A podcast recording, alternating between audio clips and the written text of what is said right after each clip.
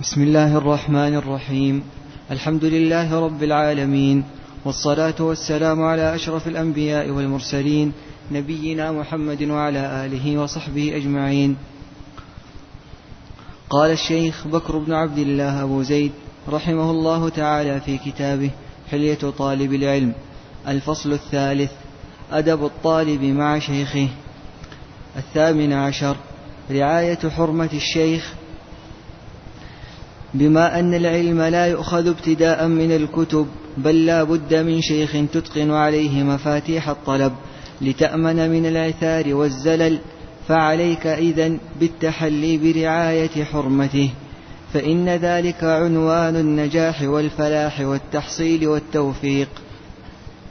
فليكن شيخك محل إجلال منك وإكرام وتقدير وتلطف. فخذ بمجامع الأدب مع شيخك في جلوسك معه والتحدث إليه وحسن السؤال والاستماع. بسم الله الحمد لله والصلاة والسلام على رسول الله. المؤلف رحمه الله تعالى الآن بدأ في الأمر الثالث وهو آداب طالب العلم مع شيخه. والشيخ بن عثيمين رحمه الله في هذا الموضع يقول يعني هو الشيخ رحمه الله يقول أنا لا أريد يعني منكم يعني من الطلاب أن تصنعوا معي هذه الأمور اللي يقول إلا أمر واحد هو يقول إفشاء السلام. فهذا الأصل أنه أدب طالب العلم مع شيخه لأنه قال يعني هذا الشيخ له منة وفضل عليك فلا بد أن تعترف له بهذا الفضل والمنة عليك. والأصل قال أن الطالب يدرس على شيخ كما تقدم معنا يأخذ عنه العلم حتى قال لا يزيغ عن الطريق الذي خط لنا العلماء.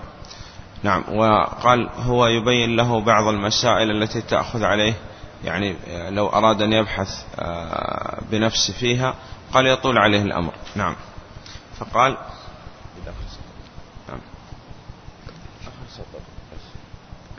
فخذ بمجامع الأدب مع شيخك في جلوسك معه.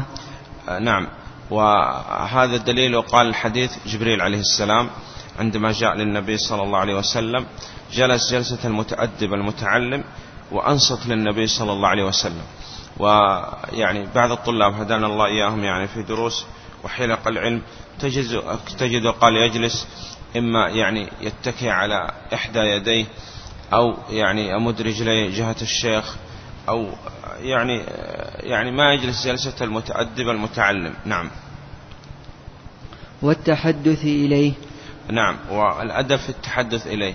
يعني لا يرفع يعني الصوت على هذا المدرس والمعلم. أو يعني قال في الحديث أن الصحابة رضي الله عنهم قال آه، لم يدخلوا المدارس ولم يتعلموا علم الكلام ولا المنطق ولا الفلسفة لكن عرفوا كيف يتحدثوا مع النبي صلى الله عليه وسلم. المسيء في صلاته. قال هو مسيء في صلاته. لكن أحسن الأدب مع النبي صلى الله عليه وسلم. فقال للنبي عليه الصلاة والسلام قال والذي بعثك بالحق لا أحسن غير هذا فعلمني. إذا هو قدم بهذه المقدمة للنبي صلى الله عليه وسلم. يقول أنا أعلم وأؤمن أن الله سبحانه وتعالى هو الذي بعثك بالحق وكل ما جئت به فهو حق كأنه يقول أنا مسلم ومؤمن أن الله سبحانه وتعالى بعث بعثك إلينا حتى تعلمنا الحق. وأيضا أبو هريرة رضي الله عنه ما استطاع أن يسأل النبي صلى الله عليه وسلم لأن النبي صلى الله عليه وسلم كان يسكت بين التكبير والقراءة. حتى قدم بمقدمة قال يا رسول الله بأبي أنت وأمي أرأيت سكوتك بين التكبير والقراءة؟ ما تقول؟ إذا لابد في الأدب في الكلام مع الشيخ. نعم هو سوف يذكر شيء من هذا. نعم حتى كان بعض الصحابة من توقيرهم للنبي صلى الله عليه وسلم أنه قال لو سئل أحدهم قال صف لنا رسول الله صلى الله عليه وسلم؟ قال ما استطاع أن يصفه. لأنه كان بعض الصحابة ما يتجرأ أن يرفع بصره إلى النبي صلى الله عليه وسلم. نعم وسوف يأتي أن الناس في هذا الباب مع المشايخ يعني انقسموا إلى طرفين ووسط. وأول شرك حدث في الأرض هو بشبهة الغلو في الصالحين. فطريقة أهل السنة وسط لا إفراط ولا تفريط. ويعني لابد لو سألنا سائل قال كيف يكون التعامل مع العلماء؟ يقول التعامل بما جاء في الكتاب والسنة وما كان عليه السلف الصالح. لا إفراط ولا تفريط وهو سوف يذكر أولا الأمور الشرعية التي تكون يعني بالتعامل الطالب مع الشيخ والأمور المخالفة لطريقة أهل السنة في نهاية هذا الفصل إن شاء الله تعالى. نعم. وحسن السؤال والاستماع. حسن السؤال تقدم معنا. وجرب هذه المسألة. إذا مثلا أردت أن تسأل الشيخ العباد حفظه الله عن مسألة تقول له يا شيخنا أحسن الله إليكم ونفع بعلمك. عندي سؤال. تظن أن الشيخ يردك؟ الله أعلم لا. صحيح؟ لكن بعض الطلاب يأتي يقول شيخ أو كذا. أو يقول عندي سؤال وغيره. نعم.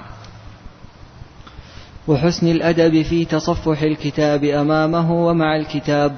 أي نعم يقول يعني من من من الأدب أن الطالب يعني قال حتى لا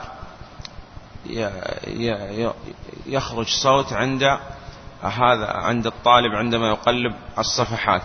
لماذا؟ قال لأنه هذا قد يشوش على المدرس أو يكون هو هذا نوع من الضجر أن الطالب يظهر الضجر أمام أمام المدرس كأنه يعني ما هو لا, لا يهتم بهذا الدرس. نعم. وترك التطاول والممارات أمامه. نعم. ترك التطاول. يعني مثلا في مسألة يقول لا هذه المسألة مرجوحة أو هذه المسألة كذا وكذا أو يقاطع الشيخ في الكلام. والجن عندما حدثهم النبي صلى الله عليه وسلم وكان يقرأ عليهم شيء من القرآن قال الله سبحانه وتعالى فلما حضروه قالوا أنصتوا. هذا الأصل أن الطالب ينصت الكلام الشيخ حتى يفرغ الشيخ من الكلام ثم بعد هذا إن كان هناك سؤال أو إشكال أو ما إلى ذلك لأنه قد يتكلم وهو يعني يسرد هذه المعلومات وأنت عند في وسط الكلام عندما تسأل تقطع عليه هذا التسلسل للمعلومات. أو قد هذا السؤال تأتي إجابته في بقية كلام الشيخ. نعم. وعدم التقدم عليه بكلام أو مسير أو إكثار الكلام عنده. عدم التقدم قال عليه بكلام يعني قبل أن يبدأ بالكلام أنت تبدأ. أو يأتي مثلا إنسان يسأل الشيخ عن مسألة فتبدأ أنت بالإجابة. وهذا يقول الأمر. يعني كثير يقول عنه الشيخ بن عثيمين رحمه الله أو حتى في في السير يعني الأصل أن أن يعرف لهؤلاء العلماء علماء أهل السنة والجماعة يعني الفضل والعلم وأن يقدموا. نعم. أو مداخلته في حديث ودرسه بكلام منك. هذا هو الأصل اللي إحنا قلنا أن فلما حضروه قالوا أنصتوا. وجبريل عليه السلام عندما سأل النبي صلى الله عليه وسلم أنصت لكلام النبي صلى الله عليه وسلم حتى انتهى عليه الصلاة والسلام ثم قال له صدقت. نعم. فعجبنا له. يسأل ويصدق. نعم. أو الإلحاح عليه في جواب. أو الإلحاح عليه في جواب. يمثل الشيخ بن عثيمين رحمه الله لهذا بمثال. يقول آه، يأتيني أحد الناس وأنا يعني أكون في الشمس وحر شديد وكذا. القيض يقول الشيخ. فيقول يسألني عن مسألة فأقول انتظر حتى ندخل إلى المسجد أو ندخل إلى البيت ويعني نشرب شيء من الماء البارد ثم بعد هذا يعني أجيب عن هذا السؤال. يقول هذا يقول لي والنار جهنم أشد حرا لو كانوا يفقهون. يقول يا أخي يعني ما أستطيع أن أفتيك الآن في هذه الحرارة. والنبي صلى الله عليه وسلم قال لا يقضي القاضي حين يقضي وهو غضبان. يعني منشغل الذهن وهذا منشغل الذهن الآن بالحرارة. فيقول ندخل المسجد وقال كذا يقول يأتي بحديث جديد يقول من كتم علما آه، ألجم يوم القيامة بلجام من نار. وهذا إشكال. وأنتم تروا الآن يعني حال بعض الناس يقول بعض العلماء يقول أن أهل البدع لا يمكن يسأل الشيخ وهو يعني صافي الذهن. لا ما يسأله يسأله المشايخ وهو يمشي في الطريق يسأل وهو منشغل الذهن في الهاتف سؤال عابر وكذا. لكن يسأل الشيخ وهو جالس للعلم ولإجابة الأسئلة ما يسأل أهل البدع. ولذلك يعني هذا يعني آه، المشي مع بعض المشايخ ومضايقتهم في الطريق وكذا هذه ليست من آداب طالب العلم. بل السؤال بعض الأسئلة إذا كانت في طريق وكذا قال يعني إجابة الشيخ ما تكون وافية. وانت جرب هذا الآن. اسأل العالم وهو يمشي. بل لو طلب منك أنت أن, أن تتكلم أو تقرأ بعض الآيات ما تستحضر. مثل ما تكون وأنت جالس مطمئن. فلابد يعني التنبه لهذا الأمر. لأنه قال فتنة لهذا المتبوع وذل بالنسبة للتابع يعني هذا المشي مع المشايخ. نعم. متجنبا الإكثار من السؤال. نعم يقول أنه حال بعض الناس يعني الطلاب أنه يكثر من السؤال والنبي صلى الله عليه وسلم نهى عن كثرة السؤال. نعم وكان الصحابة رضي الله عنهم يعني يلتمس أن يأتي الأعرابي وهو يسأل النبي صلى الله عليه وسلم. نعم. متجنبا الإكثار من السؤال لا سيما مع شهود الملأ فإن هذا يوجب لك الغرور وله الملل. أي نعم لأنه هذا قال مع كثرة الناس يكثر هذا من السؤال كأنه هو أعلم من الشيخ أو يحصل عند الشيخ شيء من الملل. نعم. ولا تناديه باسمه مجردا. هذا إشكال يعني عند بعض الناس. يعني قال أنه ينادي الشيخ باسمه يقول يا فلان يا محمد يا سعيد يا كذا. نعم. أو بلقبه أيضا يقول أيضا ما ينادي بلقبه. نعم.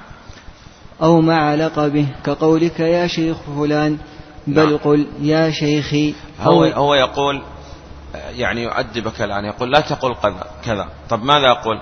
قال تقول يا شيخي أو يا شيخنا. لماذا؟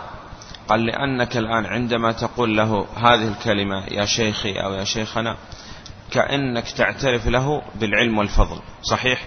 نعم. وقد أسدى إليك معروف والنبي صلى الله عليه وسلم يقول من صنع إليكم معروفا فكافئه وهذا من المكافأة أن تعترف له بالعلم والفضل وأنه أسدى إليك معروف. قال عليه الصلاة والسلام فإن, فإن لم تجدوا ما تكافئوه قال فادعوا له حتى تروا أنكم قد كافأتموه. وبعض الطلاب هدانا الله وإياهم يعني قال قد يكون هو السبب في إفساد نية المعلم والمدرس. كيف؟ يعني يعود على أمور الدنيا. مثاله قال يعني يأتي بالهدايا أو يدعو إلى وجبة طعام غداء أو عشاء أو كذا أو آه، يعني يعود هذا المدرس على تقبيل الأيدي والرأس وكذا. فقال هذه ليست طريقة السلف. المعلم هذا ما جاء من أجل أمور الدنيا جاء من أجل أمور الآخرة وأخلص لله سبحانه وتعالى. فأنت قد تكون سبب لإفساد نية هذا المدرس. نعم. بل قل يا شيخي أو يا شيخنا فلا تسمه فإنه أرفع في الأدب. نعم.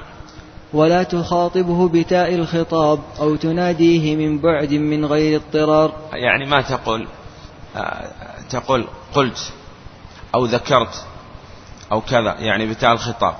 لماذا؟ لأنك هذا يسميه العلماء رد لطيف. يعني أحيانا تريد أن تنقل قول لإنسان وتريد أن ترد عليه. تقول كذا قال.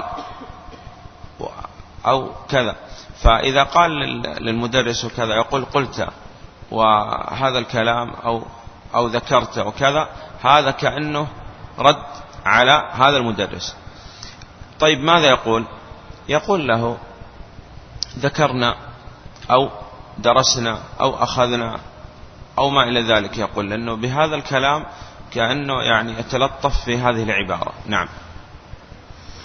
وانظر ما ذكره الله تعالى من الدلالة على الأدب مع معلم الناس الخير صلى الله عليه وسلم في قوله لا تجعلوا دعاء الرسول بينكم كدعاء بعضكم بعضا.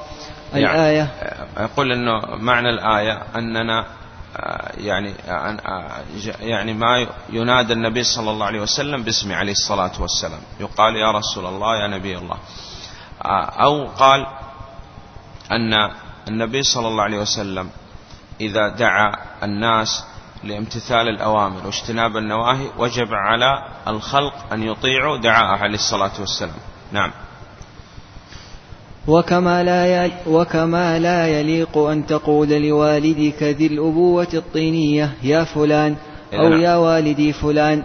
إذن عندنا أب من الأبوة الطينية وأب من الأبوة الدينية الشرعية.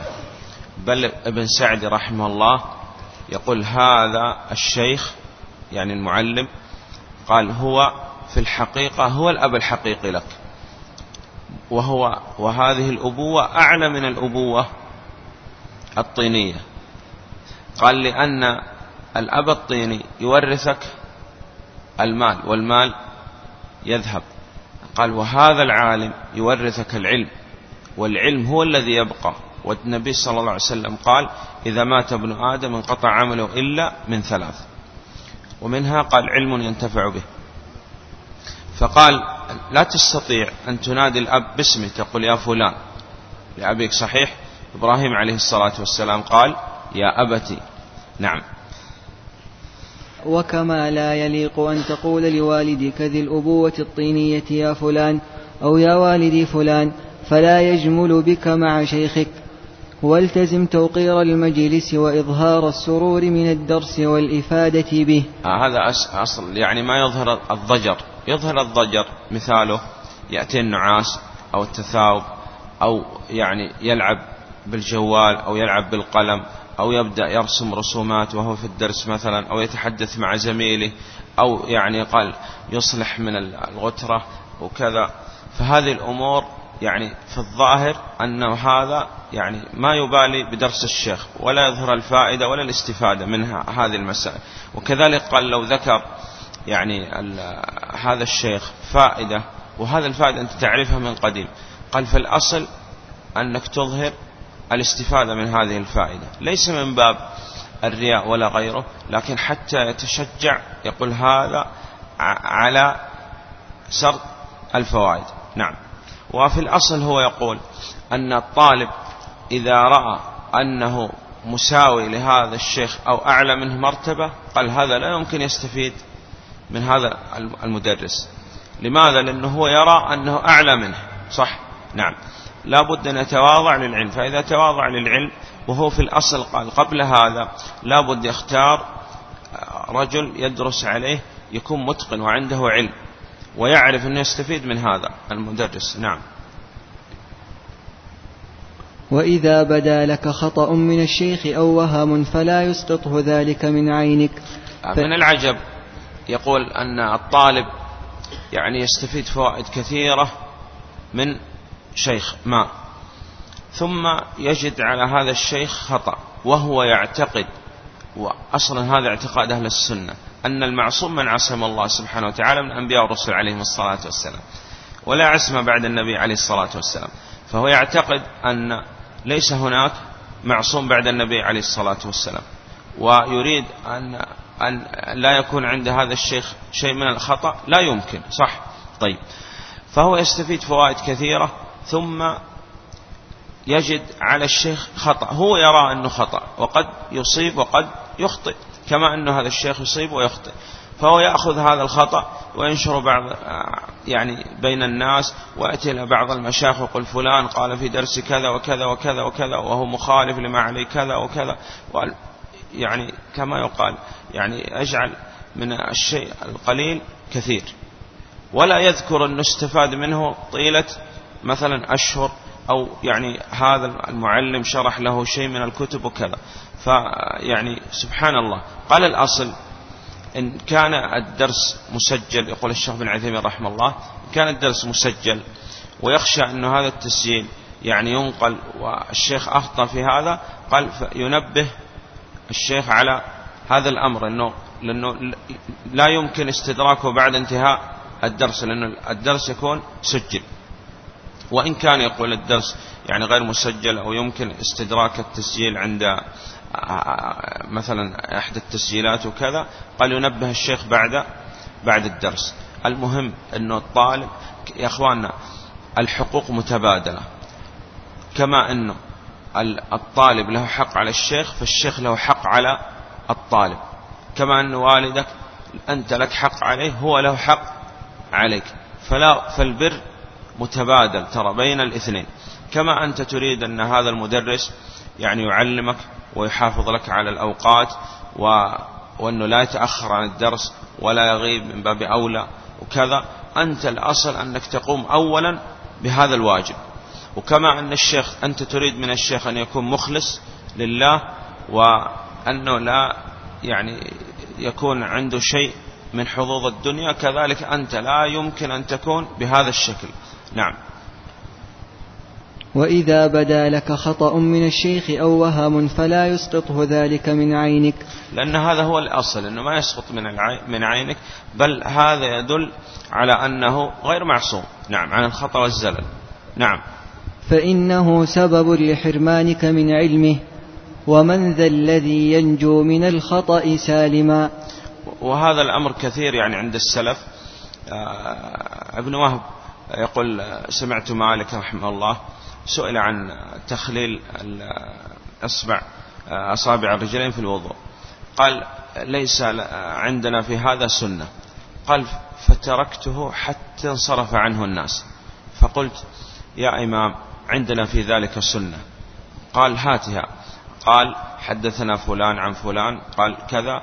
المهم حتى سرد الحديث عن النبي صلى الله عليه وسلم. فقال الإمام مالك رحمه الله قال هذا حديث حسن. يقول فسمعته بعد هذا يسأل فيجيب بالحديث. وهذا فيه يعني أدب السلف رحمهم الله في التعامل مع العلماء.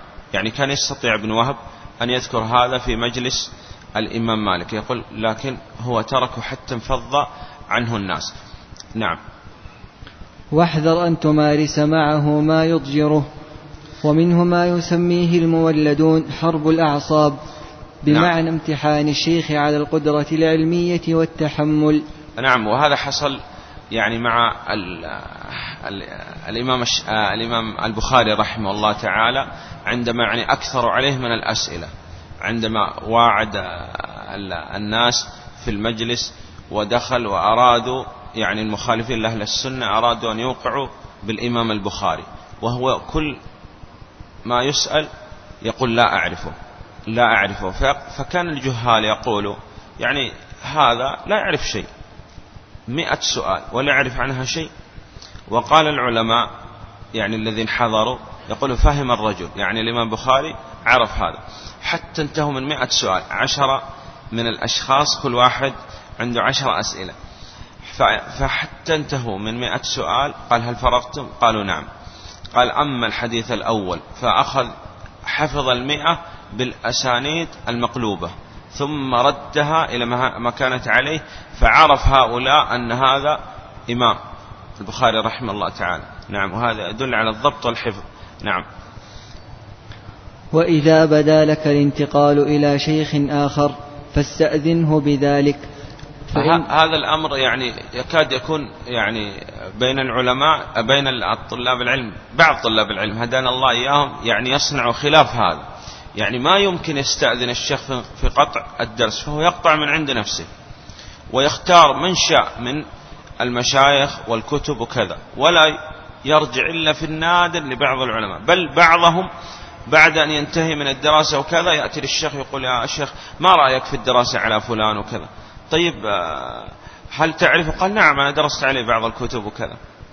والآن قال الآن أنا فرغت من الدراسة. طيب الآن تسأل؟ ما هي الفائدة من السؤال؟ صحيح؟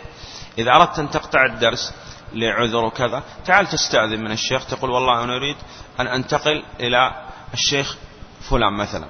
فهو قال يعني الأصل أنه هذا هو ناصح لك صح؟ وهو الأب الحقيقي لك. فأنت تسأله ما حكم يعني انقطاع عن الدرس الأول وانتقال للدرس الثاني؟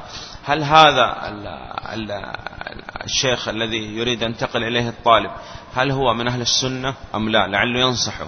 هل تنفع هذه الدراسة أم لا؟ وهذا سوف يأتي معنا في هجر المبتدع. نعم. وإذا بدا لك الانتقال إلى شيخ آخر فاستأذنه بذلك فإنه أدعى لحرمته. وأملك لقلبه في محبتك والعطف عليك. نعم بل بعض الطلاب هدانا الله إياهم يعني هو يدفع بعض المشايخ للكلام في بعض. يعني يأتي ويسأل بعض المشايخ عن فلان وقد يكون لا يعرف هذا. وهو يأتي يعني بكلام حتى يسقط هذا الشيخ. نعم فليس هم الإصلاح بل هم نسأل الله السلامة والعافية الإفساد. نعم. إلى آخر جملة من الآداب يعرفها بالطبع كل موفق مبارك وفاء لحق شيخك. نعم. وفاء لحق شيخك في أبوته الدينية. لأن الأبوة الطينية الآن الأب تستأذن في الخروج وفي السفر وما لذلك قالوا هذا هو أب لك بالنسب. فما بالك هذا المعلم والمربي لك حقيقة. والأب الحقيقي لك كما قال ابن السعدي هذا هو المعلم الأصل أنك تستأذن نعم. أو ما تسميه بعض القوانين باسم الرضاع الأدبي. نعم. أو الصحيح يقول أنه إما أبوة طينية أو أبوة, أبوة دينية. نعم. وتسمية بعض العلماء له الأبوة الدينية أليق وتركه أنسب. نعم. واعلم أنه بقدر رعاية حرمته يكون النجاح والفلاح. لكن قلنا هذا ينضبط بما كان عليه السلف. لا إفراط ولا تفريط وسوف يذكر هذا. نعم. وبقدر الفوت يكون من علامات الإخفاق. تنبيه مهم. أعيذك بالله من صنيع الأعاجم والطرقية والمبتدعة الخلفية. نعم يقول هؤلاء الخلف أنهم صنعوا أشياء ما صنعها السلف وأنهم يعني غلوا. وقلنا الناس في هذا الباب انقسموا إلى طرفين ووسط. نعم. فهو الآن يحذر من الغلو. نعم. من الخضوع الخارج عن آداب الشرع. نعم. خرج عن آداب الشرع أصلا. نعم.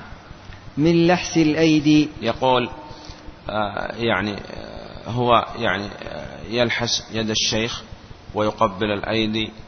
والأرجل وما إلى ذلك. وقال حتى ينحني. وبعضهم قال إذا مر الشيخ ما يمكن أن يقف على رجليه بل لابد أن يخر راكع أو ساجد أو على ركبتيه. وقال يعني يصنع أمور ما أنزل الله بها من سلطان وقد تصل إلى أن تكون نوع من الشرك. نعم. وتقبيل الأكتاف. نعم وكان الشيخ بن عثيمين رحمه الله في نهاية المجلس يقول يعني الأصل أن في نهاية المجلس يقال لكم قوموا مغفورا لكم. ولا يعني يقول أنه بعض الطلاب ما يعتقدوا أنه لابد في نهاية الدرس أن يقوم ويقبل رأس الشيخ. يقول أكون أمشي والشيخ يعني بنيته ضعيفة جدا ونحيف الشيخ فيقول أكون أمشي يأتيني طالب من خلفي. ويقول يمسك رأسي حتى يكاد رأسي يقع يقول, يقول الشيخ بن عثيمين. هذا والله يا أخوانا يعني ليست المحبة الحقيقية. إذا تركنا المحبة التي كان عليها السلف انتقلنا للمحبة البدعية. وهذا هو الأصل. المفتي الشيخ عبد العزيز حفظه الله إذا يعني جئت مجرد أن تمس يد الشيخ يقول السلام باليد. وهؤلاء أهل السنة يعني عرفوا أن الغلو في هذا الأمر تقبيل الأيدي وما لذلك يؤدي إلى نوع من الشرك لأن أول شرك حدث في الأرض بشبهة الغلو في الصالحين أنه غلوا في الصالحين حتى عبدوا من دون الله. وتجد المخالفين لأهل السنة أهل البدع الآن يمشي الواحد منهم ويمد يديه ويجعل الناس يقبلوا ويتمسحوا. هل هذا كان حال الصحابة رضي الله عنهم مع النبي صلى الله عليه وسلم. لا والله لم يكن هذا أبدا بل المحبة الحقيقية أن تأخذ العلم بحقه ثم تؤديه وتبلغه وأن يعني تدعو لهذا العالم في ظهر الغيب أن تذب عن عرضه. قال هذا الأصل وهذه المحبة الحقيقية التي كان عليها السلف. أما قال هذا التقبيل والمبالغة فيه بل بعضهم يقول أنه ما يسلم على الشيخ ولا يلقي عليه السلام ولا يصافحه كما جاءت بهذا السنة. بل مجرد يأتي كأنه هذا أنا أقول لبعضهم كأنه هذا هو الحجر الأسود. مجرد ما يمر لابد يقبل رأس الشيخ. وغلا بعضهم الآن يقبل الأيدي وغلا بعضهم الآن يقبل الأرجل وينحني وما إلى ذلك. ويكون هذا نسأل الله السلامة والعافية. لو كان من أهل السنة كان أنكر كما أنكر قلنا الشيخ بن عثيمين والمفتي عندنا. كان أنكروا هذا الغلو. لكن هؤلاء يريد من الناس أن يزدادوا. يقول بعضهم يعني من أهل البدع يقول يعني ينكرون علينا تقبيل الأيدي والأرجل ويقول نحن نمشي ونطع الملائكة بأرجلنا. نسأل الله السلامة والعافية. نعم. والقبض على والقبض على اليمين باليمين والشمال عند السلام. يعني كأنه عندما يسلم على الشيخ كأنه مصلي وقال قد يعني النفس يقول إما تشتغل بتعظيم الله أو تعظيم غير الله سبحانه وتعالى. قال تجد عندما يسلم على الشيخ أو عندما يسلم بعض الناس هدانا الله إياهم على النبي صلى الله عليه وسلم تجد في خشوع ولا يلتفت أبدا ولا يتحرك. وقد إذا صلى هذا يقول قد تكون صلاته باطلة لأنه عنده حركة كثيرة متوالية عرفا لغير حاجة. نعم. والقبض على اليمين باليمين والشمال عند السلام كحال تودد الكبار للأطفال. نعم. والانحناء عند السلام. الانحناء نوع من الشرك لأنه ما يصح الانحناء إلا لله سبحانه وتعالى. وتقدم معنا في الأصول الثلاثة أن الطواغيت كثيرون ورؤوسهم خمسة. منهم قال من عبد وهو راضي فلو جاء إليك إنسان وانحنى لك فالواجب أن تنكر عليه هذا الانحناء وتقول هذا الانحناء ما يكون إلا لله سبحانه وتعالى. صح. فإن لم تنكر فأنت طاغوت لأنك رضيت رضيت أن تعبد من دون الله. نعم. واستعمال الألفاظ الرخوة المتخاذلة. يقول تقدم معنا استعمال الألفاظ التي كان يقولها السلف. يعني ما نادي باسمه يقول يا, يا شيخي يا شيخنا وما إلى ذلك. قال لكن هناك ألفاظ فيها يعني بل جاء النهي عنها من يعني إذا كان عندك عبد فقال فقال لا لا يقول أحدكم أطعم ربك وضئ ربك صحيح؟ نعم. طيب. فجاء النهي عنها يقول هذا إذا كان هو عبد حقيق. فما بالك الآن؟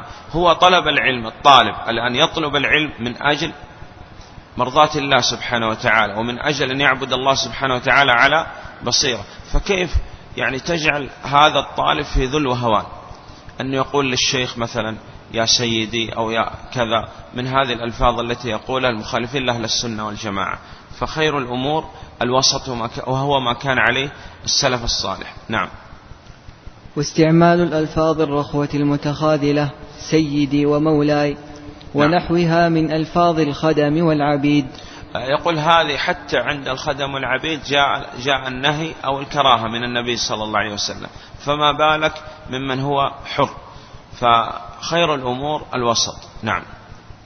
وانظر ما يقوله العلامة السلفي الشيخ محمد البشير الإبراهيمي الإبراهيمي الجزائري المتوفى سنة ثمانين وثلاثمائة وألف رحمه الله تعالى في البصائر فإنه فائق السياق. نعم.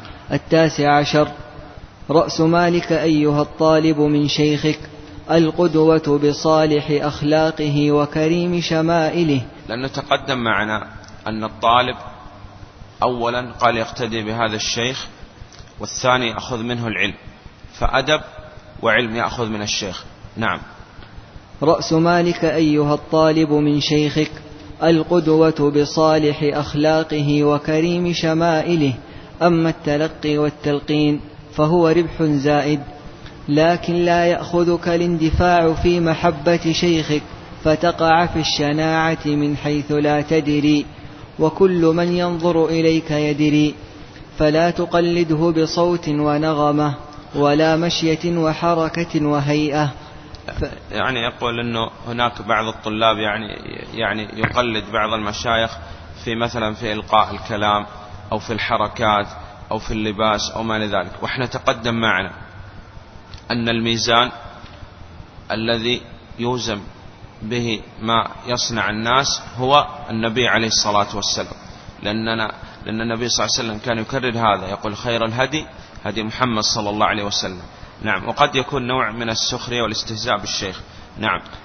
فإنه إنما صار شيخا جليلا بتلك فلا تسقط أنت بالتبعية له في هذه.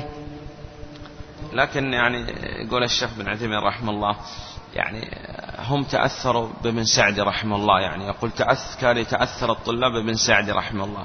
يقول كان خط يعني يقصد آه، الشيخ بن عثيمين نفسه هو يقول كان خط جميل. وخط ابن سعدي يعني في نوع من يعني القبح قليل يقول. فأقول فأصبح خطي مثل خط الشيخ. نعم.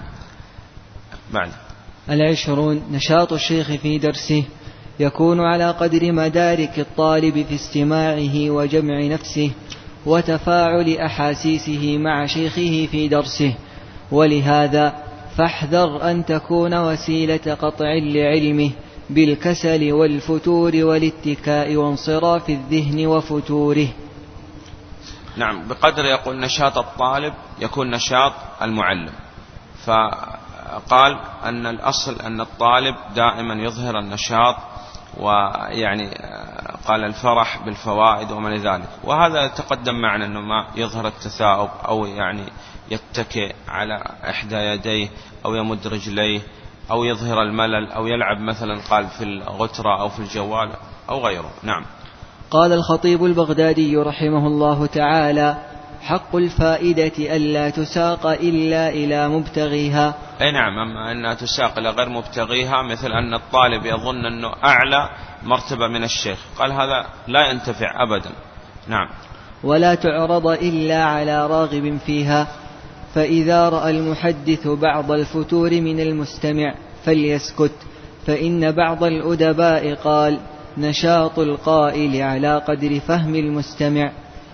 ثم ساق بسنده عن زيد بن وهب قال قال عبد الله حدث القوم ما رمقوك بأبصارهم فإذا رأيت منهم فترة فانزع. نعم وهذا كان حال النبي صلى الله عليه وسلم أنه كان يتخولهم عليه الصلاة والسلام بالموعظة. نعم. حتى لا يملوا نعم. خشية السآمة. نعم. الحادي والعشرون. الله أعلم أن نقف عند هذا. والله أعلم وصلى الله على محمد وصحبه وسلم. يقول هذا يعني السائل يقول آه، حكم حكم التقبيل آه، الشيخ بن عثيمين رحمه الله يقول تقبيل الأيدي. يقول هو جائز لكنه لم يكن يعني كان يكثر منه السلف. ولا يجوز عند تقبيل اليد الانحناء. فإذا كان هذا أمر عارض وكذا قال يصح. لكن الناس اليوم غلوا في هذا الباب.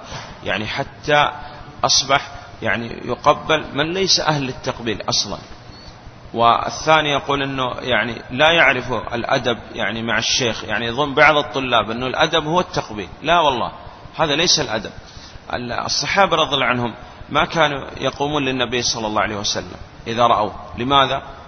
قال لما يعلمون من كراهيته عليه الصلاة والسلام لذلك.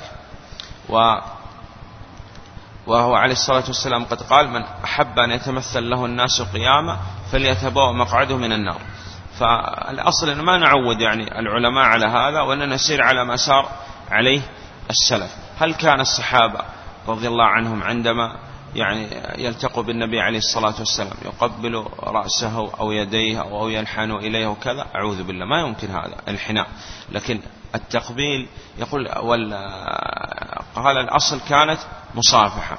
أما تقبيل الرأس أو اليد كذا قال هذا أمر عارض ليس أمر دائم والله أعلم وصلى الله على محمد وعلى صحبه وسلم.